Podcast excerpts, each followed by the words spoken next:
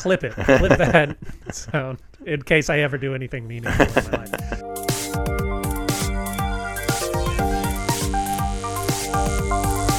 Well, I'm not a crook.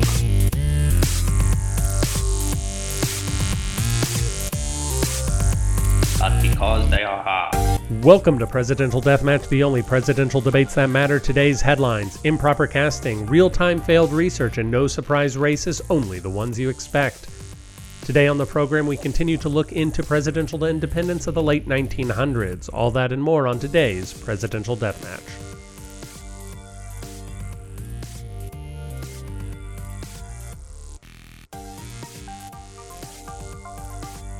In any case, welcome to Presidential Deathmatch, a show for presidents by presidents. And Dennis, how are you today? I'm I'm good. Carolyn, it's Star Wars. Day, which is big. Big. It's big. Is Carolyn's big into Star Wars? Well, I was gonna say Carolyn graduated today. oh, so that it's not big because of Star Wars. It's big because your wife's. Yeah. But both Yeah. big, both equally big events. That's true. My brother, my brother sent the most epically on point uh, GIF to the group of the Emperor Yeah. looking exactly like how the PhD people look when they get their their hoods put on. The hood. Yeah, excellent. Which brother was that? Craig. I met a man the other day who reminded me so much of you because he reminded me exactly of but it took me a second. I was I was with him for a while. I was like, man, you remind me so much of my friend Dennis. And then later I was like, oh, he's Ty. That's why he reminds me so much of Dennis. But it also was a tie. That's cool. Is she excited? Or was it literally Tyler? Oh, No, it wasn't literally Tyler. It was a uh, a man I met recently. Can't fully remember because you know I live such a jet setting Yeah. life, doing Midsummer Night's Dream in various community centers around Houston, Harris County Precinct Four. Uh, like it's not a it's not a life for the faint of heart, but it's a life that somebody has to. it is the sort of thing that Tyler would end up at. So But uh, Carolyn, she doing well? she's, excited. Family, Flying off to Bain. yeah, j- just chilling for for a good bit here. So that's exciting. She might. She's trying to convince her parents to go to like five national parks in Utah this month. Uh, this month. Yeah, which it's it's it's the chapter that that they're in now. All three of them. So Uh, but Dennis, we are deep into this episode, and we have not mentioned diplomacy once or anything resembling it. So a few weeks ago, before you and I took a brief break, and Jessica corrected some of our mistakes or oversights, not our mistakes, our oversights. We started into the independents and third-party candidates of the late 1900s. We ran out of time then. We're going to continue down in today's sophomore album of independence. We will see if we get through them. I think we will, but we'll find out and uh, I think it'll be a good Yeah. time. You had, I had a lot of expected racists. You have a lot of surprise racists, yeah, and I always find surprise racists to be the most unsettling. I, think that I kind of squeezed in most of Most yeah because I squeezed in populist party last time, and that was my surprise racist category okay. because as you think Uh, populist party doesn't seem like it would it would it would be uh, just like Uh, the racist one. Uh, well, except for 2016 to 2023, where a lot of the populists are pretty racist, yeah unfortunately. And so, yeah, so you only have the Peace and Freedom Party, a party which it would be pretty sad if that one was full of racists. Pretty sad indeed. and I don't think that so there's two peace and freedom party candidates. Maureen Well, let's not get All into right. them yet because we got to go to retractions first. just tease with you with that there. Mm-hmm. Just know for people listening that the Peace and Freedom Party nominated Roseanne Barr in 2012. So it's a pretty high high standard they set over there. For more information on that, I believe. Oh no, he chose to do Michael Dukakis. Is anyway. Let's go to retractions. Um, ba- ba- ba-. I really only have one retraction, Dennis. I don't know if you've had any thoughts over the past few weeks. But uh, something that when I was writing the the episode that Jessica recorded, that I I thought of again. I noticed it when I was writing the notes for these dudes, and then I thought it again, which is why are all of these Southern racists running for president? Did they really think they could win? So I'm going to pose that question to you really quick, Dennis. Did these Southern racists think they could win the presidency? I think I'm sure that it's a mix, but like I would think that some of them certainly did, and then others are taking a stand for what they believe in to try to, you know, do what's right and everything else. Right. White makes right. I think we all understand that. Clip it. Clip that sound in case I ever do anything meaningful in my life. Um, it's a little more strategic than that. So most of the segregationists did not run in enough states to to give them an electoral college victory, but they did run in enough states that they were hoping to prevent an outright majority mm. for either party. And then, much like a parliamentary democracy, they wanted to essentially form a minority government. So they wanted to take enough of the South to deny the South's electoral votes to either the Democrats or the Republicans, and then use that power to negotiate, probably with the Democrats, maybe with the Republicans, that, hey, we will throw our votes to you to become president if you reinstitute segregation, you make segregation a major part of your policies. And uh, we we had sort of mentioned it offhand at the beginning of the season as this is one reason why third parties run, but I just wanted to underline it here. So Strom Thurmond and George Wallace, they were explicitly attempting to do that. Most of the American Independent Party was uh, was trying to do that if they were running for for any reason at all. Oh man. Do do you have anything to add in retractions, or should we zip on out? It was. I haven't finished listening to the the one that dropped that Jessica recorded. Yeah.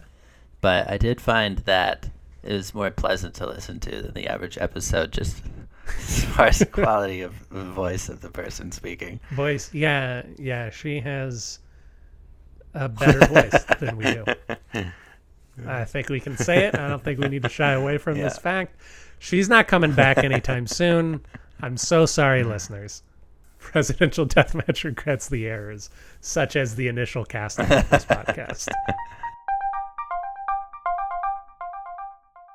Uh, so, Dennis, you have two people left, right? Yeah, one of whom uh, I got nothing on.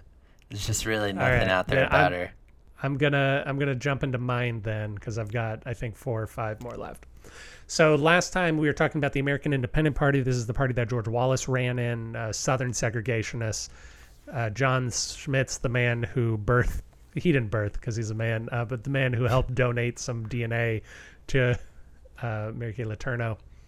Uh, was another one of their dudes, as was Lester Maddox, who we talked about in the 1976 episode. The last man who ran for them was a guy called John Richard Rarick, who was a less colorful but equally racist nominee to all the four previous nominees.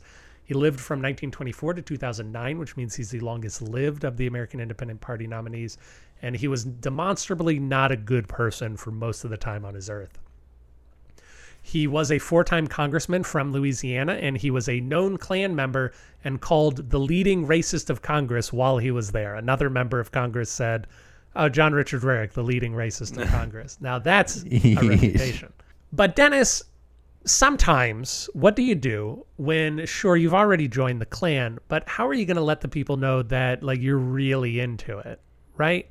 So you're going to join a splinter group from the Klan known for its extrajudicial killings. Oh God! Uh, in Louisiana, although I suppose all Klan killings are extrajudicial these people killed uh, a lot of dudes along I, I, assume dudes along the louisiana mississippi border i think they were called something like the silver knights i didn't write the, the name of the group down because i think i just wanted to get away from that fact but he was a member of the klan and he was a member of a clanier clan like actually uh, and lynching people you mean like yeah they just yeah, yeah. so so he was a member of that group it is not known whether he actively participated in those things with that group, or he may have just been, you know, their speaker. Yeah. because they said, "Ah, we got the congressman here. We can't let him get his hands bloody." I don't know why I'm a vaudevillian. I'm uncomfortable with a lot of our country's past. yeah. In a moment presaging the current Republican Party, Democrat John Richard Rarick, because remember, uh, this is back when the Democrats controlled the South, so a lot of these segregationists were Democrats. The Democrat Rarick testified that groups such as the Black Muslims could gain control of Washington, D.C., should the city be allowed to govern itself. So there was a bill in front of Congress that said, hey, should the Washington, D.C. City Council have more power? And he said, if we let the people of D.C. govern the place of D.C., black Muslims will rule the day. God. It doesn't make any In sense. 1970, well, I mean, only if you're racist. In 1974, he was primaried out of his seat by a 29 year old who went on to lose that election. His run for president in 1980 was not notable, and Rarick decided to put the racist cherry on top of his life sundae by supporting David Duke's run for Louisiana governor in 1991. David Duke, in case you don't know, fair listener, was the head of the Ku Klux Klan and a man who still bothers us even to this day. Yes. Dennis, how about some peace and freedom? Peace and freedom. Uh, yeah. So the first one I have on my list for peace and freedom is Maureen Smith. Yeah, the notes the notes under Maureen Smith are pretty great. just still alive? Question mark. Uh, Um, yeah, because like there, it's really hard to tell. Obviously, it's a pretty common name. I can tell that that person exists, but there's just there's just not much much to say. Um, yeah, that's she true. ran in uh 1980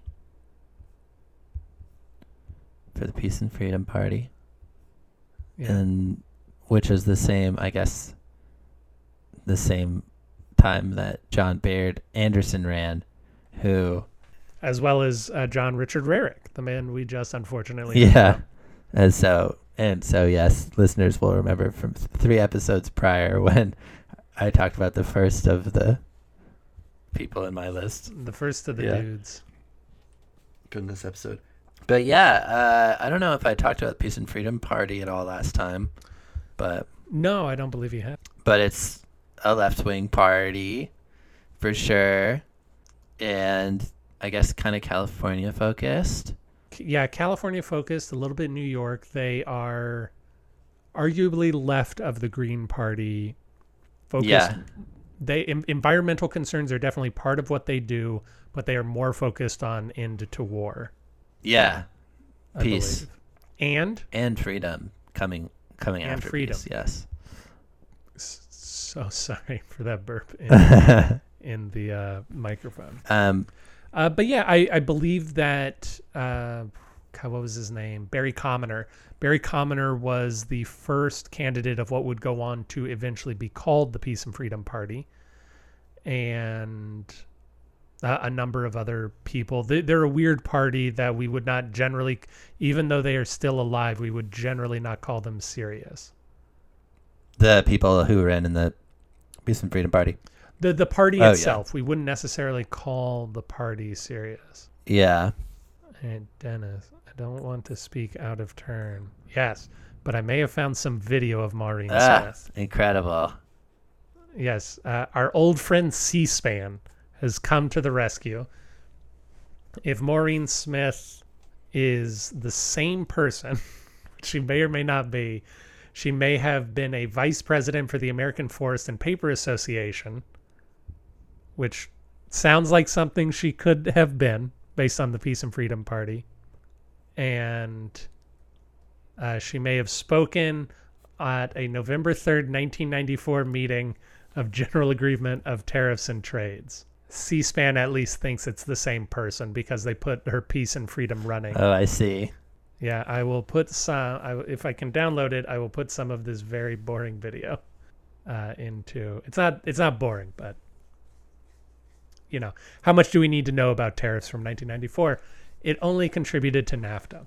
I'm so sorry to have taken taken. Please continue on uh, Maureen or our other person. Sonia? Yeah, Sa- Sonia Johnson, or Sonia, I guess.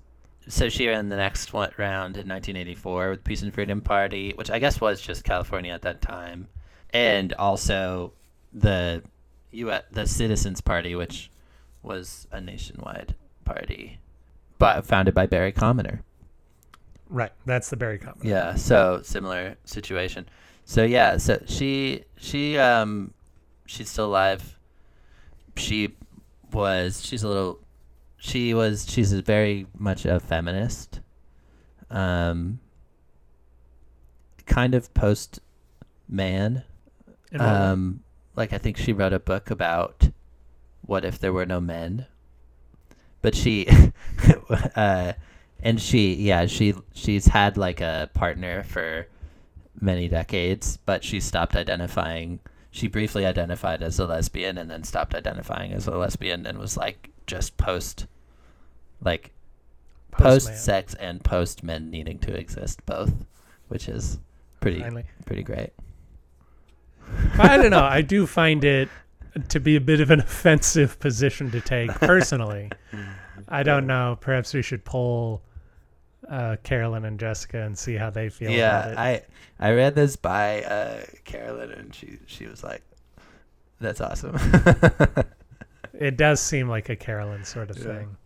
but she yeah she she's interesting because she was a fifth generation mormon and uh so like in her young and very much like a conservative mormon and and went to school in utah and um did, did like was well educated but like quick like ended up married young and had four kids but then got like excommunicated by the church of latter day saints because of like speaking about some more like feminist perspectives on things.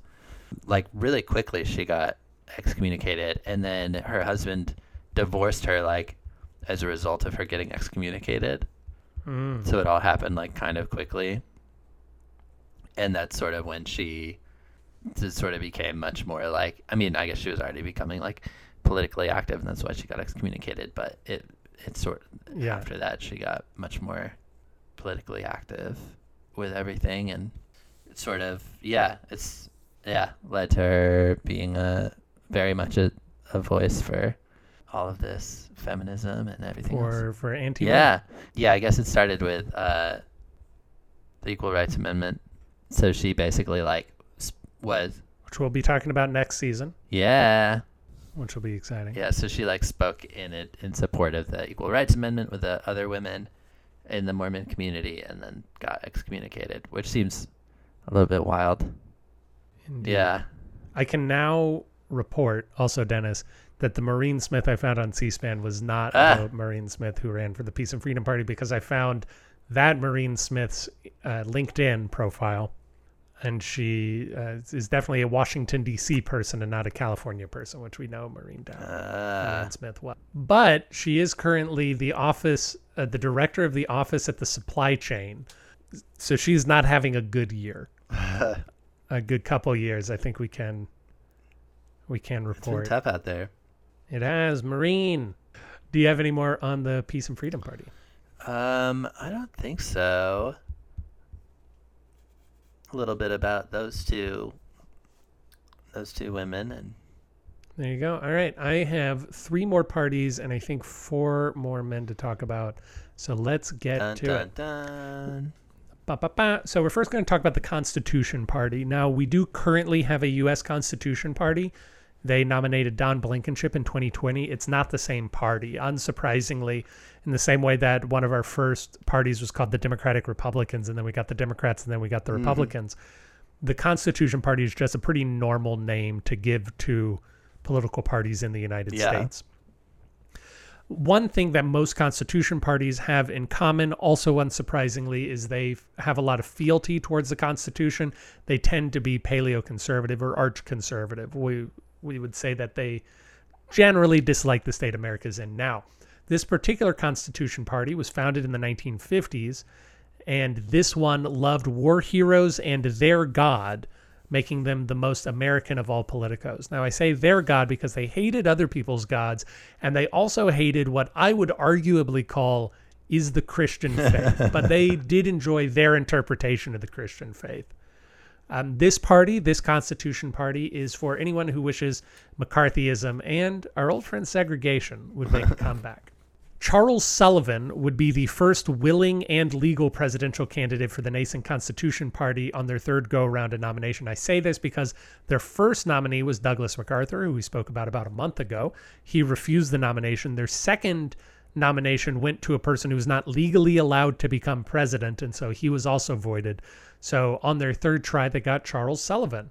He is a former or was a former Air Guard general. Sullivan became Mississippi's lieutenant governor the only way he knew how, claiming to be able to roll back mandated desegregation policies.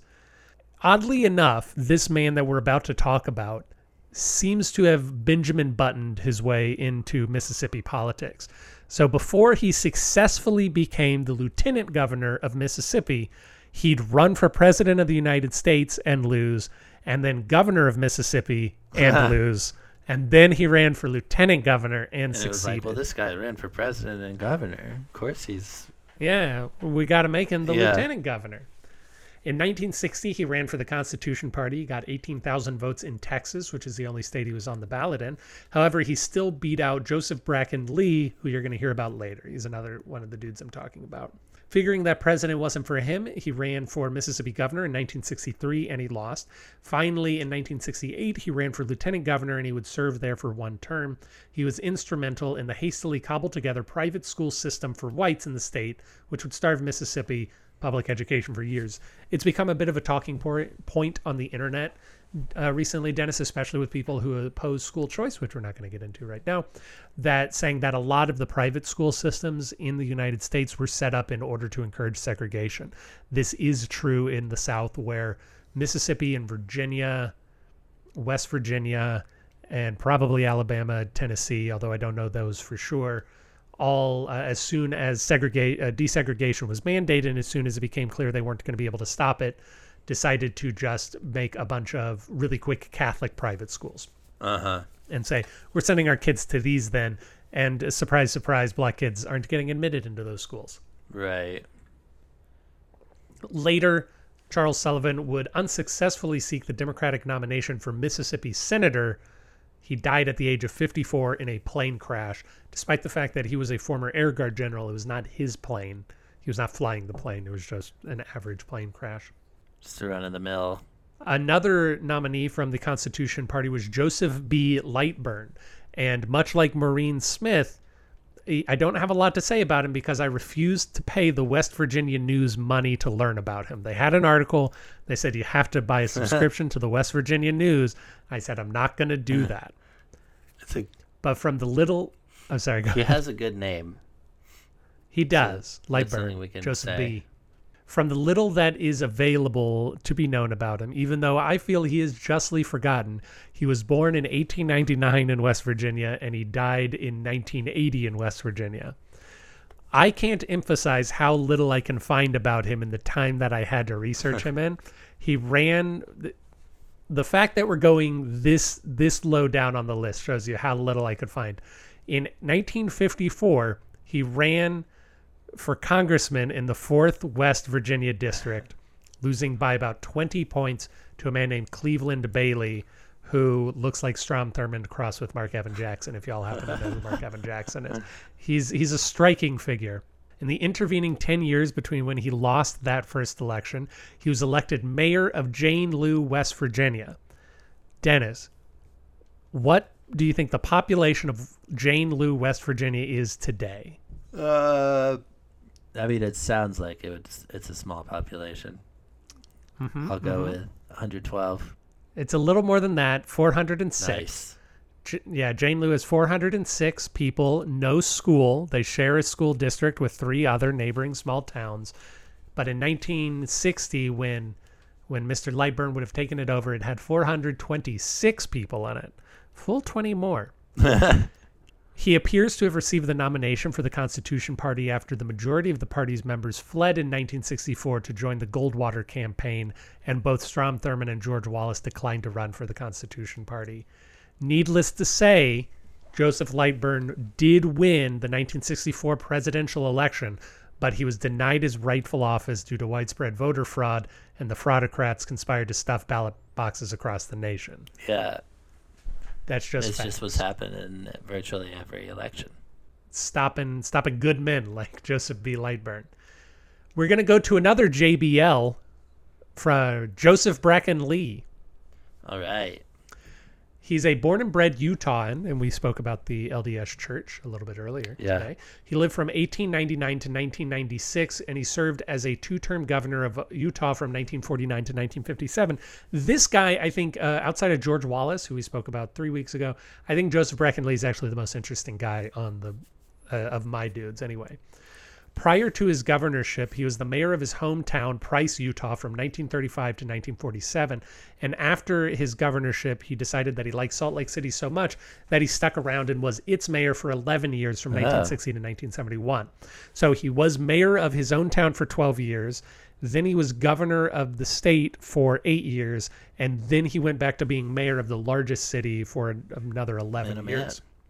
As a somewhat sweet counterpoint to the other people that we have spoken about today, Lee's first wife died from Hodgkin's lymphoma shortly after the birth of their first daughter, and while working off the medical debt, he rented out his own house and lived in his garage while eating one hamburger a day.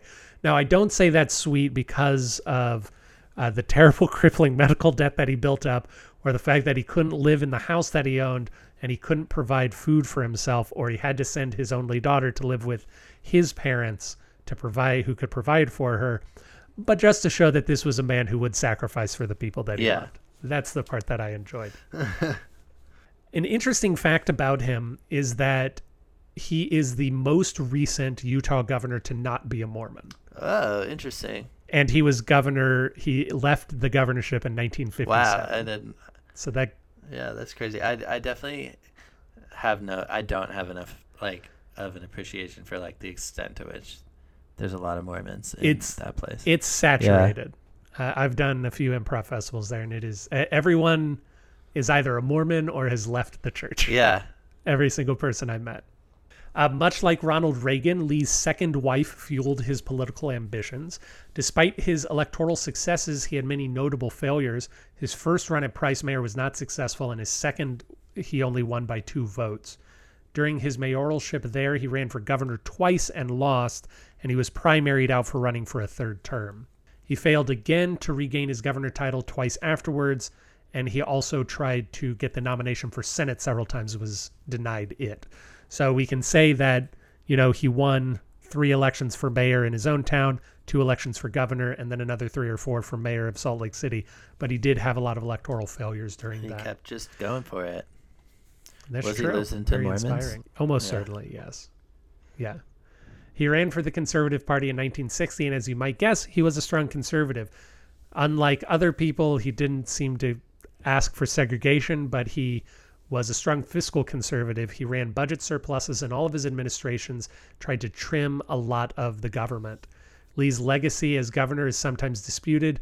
While many point to his temper, opinionated personality, and battles with educators as problems, he is also generally praised for his fiscal responsibility for the fact that Utah enjoyed a prosperous economy during his administration. Throughout his entire tenure, the state had a surplus rather than a debt, which is pretty rare for a lot of states. You can ask California. And even Lee's political opponents respected his integrity and honest, open, and straightforward ways of dealing. Nice. Yeah, overall, uh, a good figure, not a person I agree with too much Right. uh, politically. Yeah, but interesting. The final, yeah, yeah, but like he's he's a not a crook, and he's stuck by his principles, uh, all of which I think are good things. The final person I'm going to talk about today is John Kasper from the National States Rights Party. Now, Dennis, stop me if you've heard this story before. A conservative running for president from a states' rights party is racist? it's so weird. And uh, it is here that I want to say that honestly, as a person who does think our federal our, our system of federalism has been weakened and atrophied over the past many decades, and I am I feel legitimately a states' rights person in many respects. It is frustrating to always have to be back the assumption that you just want to uh, turn back the clock and deny people services when when you talk about states' Yeah, rights. it is. That's really it's it is a fascinating thing about like because it's such a specific like and nuanced ideology too. I have lost Dennis, but I assume he's going to pop up soon. Oh no, I lost you for a minute there. Yeah, but I assume you kept going with your very salient point. I I just said, yeah, that it's like it's such a like states' rights is uh, whatever it is at its core. It's it's a nuanced ideological position that like it, it could be at the center of a lot of political debates eh, that just Yeah. about like the best way to do politics and then instead it's like related to racism in our country like so closely whenever yeah, up. uh, it was interesting during Trump's term in office, hopefully only term in office, where suddenly you had a bunch of uh, states with Democratic governors start declaring states' rights with stuff like sanctuary cities and things like that and say no the the state has a right to do this over the federal government so it tends to just be used as a cudgel by whoever is the minority in power in one of the most pockmarked with citations needed I've ever seen. Let's dive into the short and dubious history of John Kasper. Uh, his Wikipedia article is just like a sentence, and then somebody says, "Where do you get this information?" And then another sentence that says, "Really, I need, I need a citation." The states' rights party was so overtly segregationist that it makes the other parties we've spoken about look moderate. Their first nominee was Orval Faubus, who we revisited a Yeah. few weeks ago. So, Mr. Little Rock himself. John Kasper was born in 1929 and indoctrinated at Columbia, a hotbed of racism and conservative politics to this day.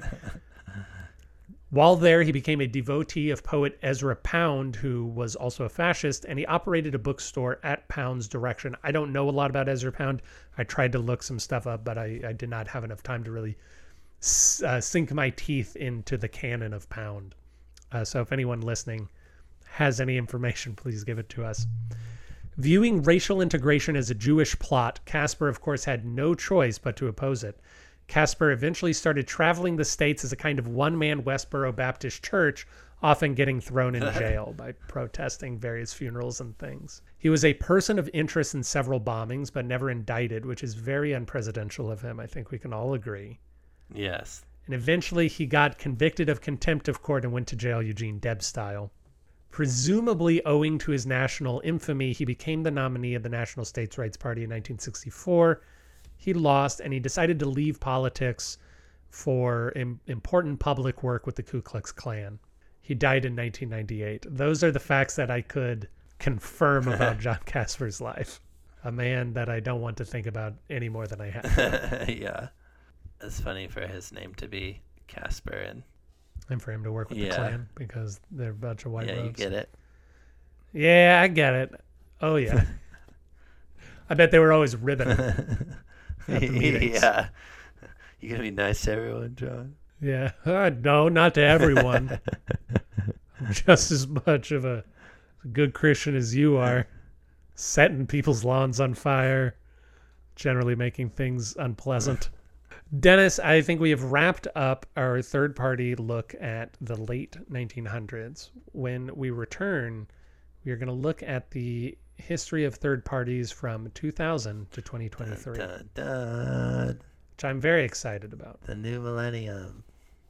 Yeah, we're getting everyone. Howie Hawkins finally Ah, has his day. Wow. Wow. That's Yeah. big. Maybe actually, I'm gonna get. No, I'm not. Am I? No, no. The answer is no. I'm not gonna talk about Don Blankenship right now. He's very funny though. If you have a chance to look up Don Blankenship, please do. If we have time, I'll talk about him in one of our next two episodes. Uh, but until then, Dennis, it is always a pleasure. Yes. Same to you. And I will see you next week. yeah. Bye.